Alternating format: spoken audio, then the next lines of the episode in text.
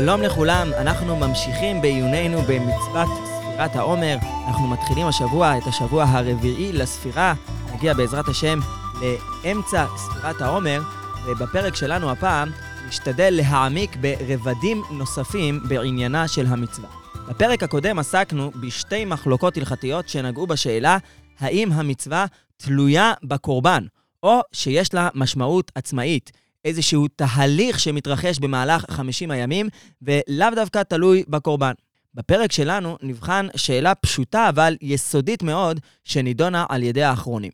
מה בעצם אנחנו עושים בפעולה ההלכתית של הספירה? האם הספירה היא רק ציון של יום, מעין אמירת נוסח, שבו אנחנו אומרים בפה שלנו איזה יום היום לספירה, או שיש בספירה גם מימד של חישוב. אנחנו סופרים ומחשבים את היום שבו אנחנו נמצאים, ואולי אפילו אפשר לומר שבספירה, בחישוב המתמשך, אנחנו בעצם יוצרים את תהליך ההתקדמות על ציר הזמן, כמו שנרחיב בהמשך הפרק. החקירה הזו מובילה לכמה דיונים הלכתיים מעשיים, והראשון שבהם הוא, האם ניתן לספור ספירה שהאדם אינו מבין את משמעותה. ההלכה שמקורה בדברי התוספות במסכת סוטה, היא שבמצוות שבדיבור, כמו לדוגמה קריאת שמע, תפילה, במצוות מהסוג הזה, אדם יוצא כשהוא אומר אותן בלשון הקודש, על אף שהוא לא מבין את תוכן הדיבור שלו. אבל בהלכות ספירת העומר, פוסק המגן אברהם שגם אדם שסופר בלשון הקודש, חייב להבין את תוכן הספירה. ללא הבנה, לא יוצאים. זאת למרות שהמגן אברהם עצמו פסק את דברי התוספות בסוטה לגבי מצוות אחרות שנעשות בדיבור, הוא פסק שיוצאים בלשון הקודש גם ללא הבנה. בספירת העומר פוסק המגן אברהם שחייבים הבנה. האחרונים, ביניהם רבי אברהם כהנא שפירא בעל הדבר אברהם, מסבירים שדברי המגן אברהם נובעים מכך שספירת העומר היא לא מצווה של דיבור בעלמא, שרק אומרים בה איזשהו נוסח, אלא זאת מצוות ספירה.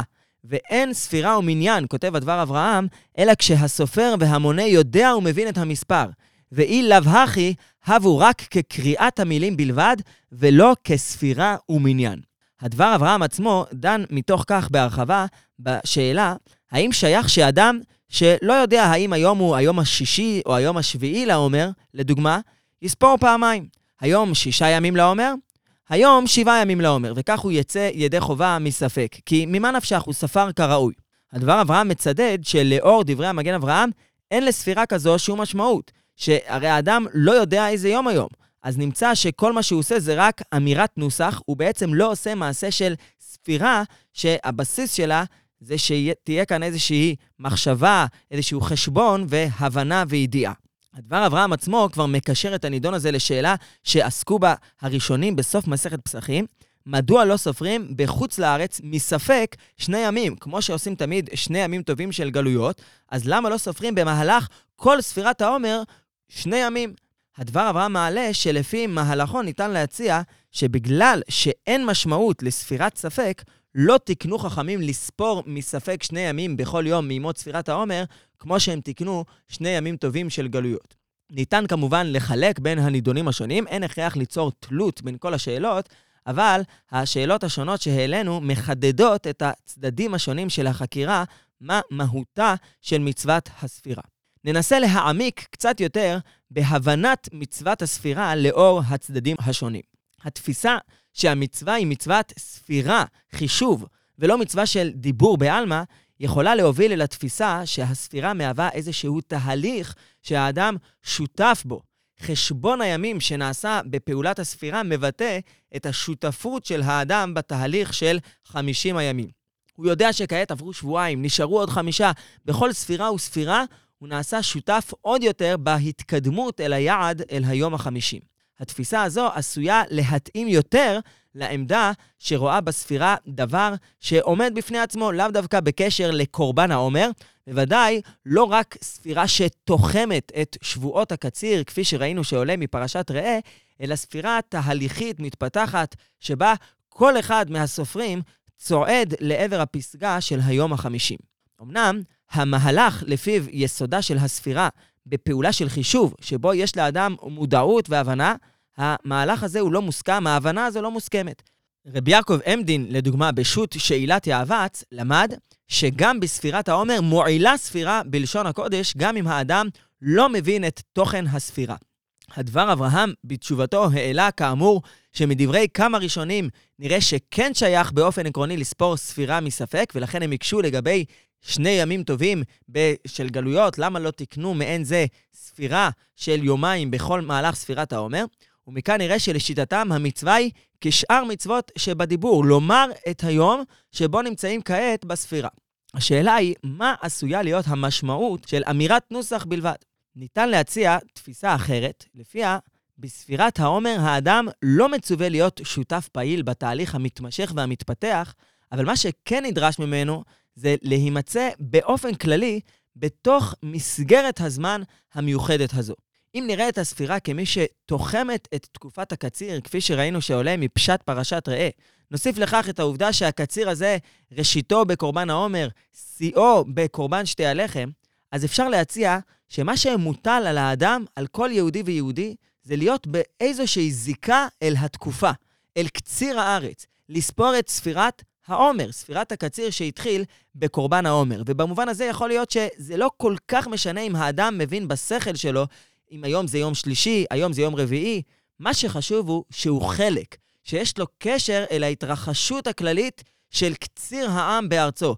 בכל ערב הוא נעשה מודע שוב ושוב באופן פעיל למסגרת הזמן המיוחדת הזו. הוא עוקב אחרי מה שמתרחש בקציר העם הכללי.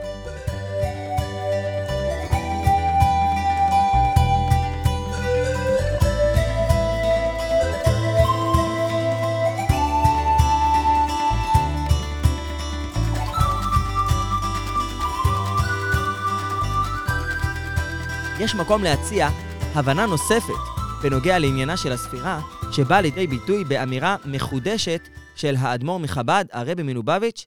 הרבי מחב"ד דן באדם שבאמצע זמן ספירת העומר עבר את קו התאריך, והשאלה היא האם מעתה והלאה הוא צריך לספור את הספירה של אנשי המקום, שנמצאים בעצם יום אחד לפניו או לאחריו, תלוי מאיזה כיוון לאיזה כיוון הוא עבר, או שהוא צריך להמשיך את ספירתו שלו כפי שהיא התחילה במקום שממנו הוא הגיע. הרב מצדד באפשרות שימשיך את הספירה שלו, על אף שבמקום שבו הוא נמצא כעת הספירה היא שונה, וממילא, אומר הרב מחב"ד, הוא גם יחגוג את חג שבועות ביום החמישים של הספירה שלו, ולא כמנהג אנשי המקום. הרי לחג שבועות בתורה אין תאריך, וכפי שמגדיר הרמב"ם בהלכות תמידין ומוספין, ביום חמישים מספירת העומר הוא חג השבועות. ממילא, האדם הזה שסופר ספירה כמנהג המקום שממנו הוא יצא, צריך גם לחוג את החג בהמשך לספירה זו, למרות שהוא נמצא כרגע במקום חדש, שבו בעצם היום בספירה הוא אחר. הגישה הזו, שהיא ודאי גישה קיצונית, גישה מחודשת, מלמדת על כך שמצוות הספירה היא לא רק מצווה שיש בה תהליך מתמשך ומתפתח של כל סופר וסופר באופן פרטי, שסופר ספירה שיש בה חשבון ומודעות לזמן, אלא בספירה יש גם מימד יוצר. הספירה יוצרת את הזמן, היא מובילה אותנו אל היום החמישים, שהקדושה שלו נובעת מהתהליך של הספירה של 49 ימים, וממילא הוא תלוי בספירה של כל אדם ואדם. הדברים הללו של הרבי מחב"ד לא התקבלו להלכה. למעשה ברור שאדם לא מקיים את חג שבועות בתאריך אחר מתאריך המקום שבו הוא נמצא, אבל הרעיון היסודי לפיו ספירת העומר היא לא רק ספירה עוקבת, אלא היא גם ספירה יוצרת, שבעקבותיה חל חג השבועות, את הרעיון הזה אפשר לתרגם למישור של הכלל. כל יחיד ויחיד מחויב בספירת העומר, ותוכן המצווה הוא להיות חלק מהעם שסופר יחד ספירה של 50 יום, שבסופו של התהליך יוצרת את חג השבועות ביום ה-50. ובמובן הזה, אילולי מצוות הספירה לא היה בכלל חג שבועות. וברור שלפי זה, מצוות ספירת העומר גם בזמן הזה היא מן התורה, כשיטת הרמב"ם שראינו בפרק הקודם, שבלי זה הרי, אז גם חג שבועות, בלי שספירת העומר היא מן התורה, גם חג שבועות לא היה מהתורה. כמובן, זה שיחיד מסוים לא יספור, זה לא יגרום לביטול החג. והחג נחגג על פי התאריך של הכלל שסופרת ספירת העומר, שהיחיד מצווה להיות חלק ממנו. העובדה שישנו מועד התלוי בספירה של עם ישראל יכולה לפתוח פתח למחשבות נוספות מעניינות. הרב גוסטמן, לדוגמה, בספרו קונטרסי שיעורים במסכת קידושין, הציע שזו הסיבה לפיה לדעת הרמב"ן, שאת דבריו למדנו בפרק הקודם, מצוות ספירת העומר מוגדרת כמצווה שאין הזמן גרמה. המצווה, אומר הרב גוסטמן, לא תלויה בזמן, אלא המצווה היא לספור את הזמן, ובלשונו, הזמן הוא עצם וגוף המצווה. ולכן אין כאן מצוות עשה שהזמן גרמה שנשים פטורות ממנה. יש גם באחרונים כיוון שנשים חייבות בספירת העומר כי הן חייבות בשבועות, וללא ספירת העומר אין שבועות, וממילא אי אפשר להפריד בין החיוב של ספירת העומר לחיוב של חג שבועות. ניתן להעלות כיוונים נוספים הנוגעים למשמעותו של מועד כזה, שתלוי בספירה של העם. האם יש קשר אולי בין היציאה לחירות בט"ו בניסן לבין יכולתו של העם לספור את הזמן, לשלוט בזמן יום לאחר מכן? האם יש קשר בין העובדה שהמועד תלוי בזמן אותו סופר העם, לעובדה שהתוכן היחיד המפורש בתורה ביחס למועד הזה קשור לקציר הארץ, הקציר של עם ישראל בארץ ישראל? נשאיר את השאלות הללו פתוחות, ולהתראות בפרק הבא, בו נדון בדיון ההלכתי האחרון במסגרת שלנו בנוגע למצוות ספירת העומר. אשר אלוקינו,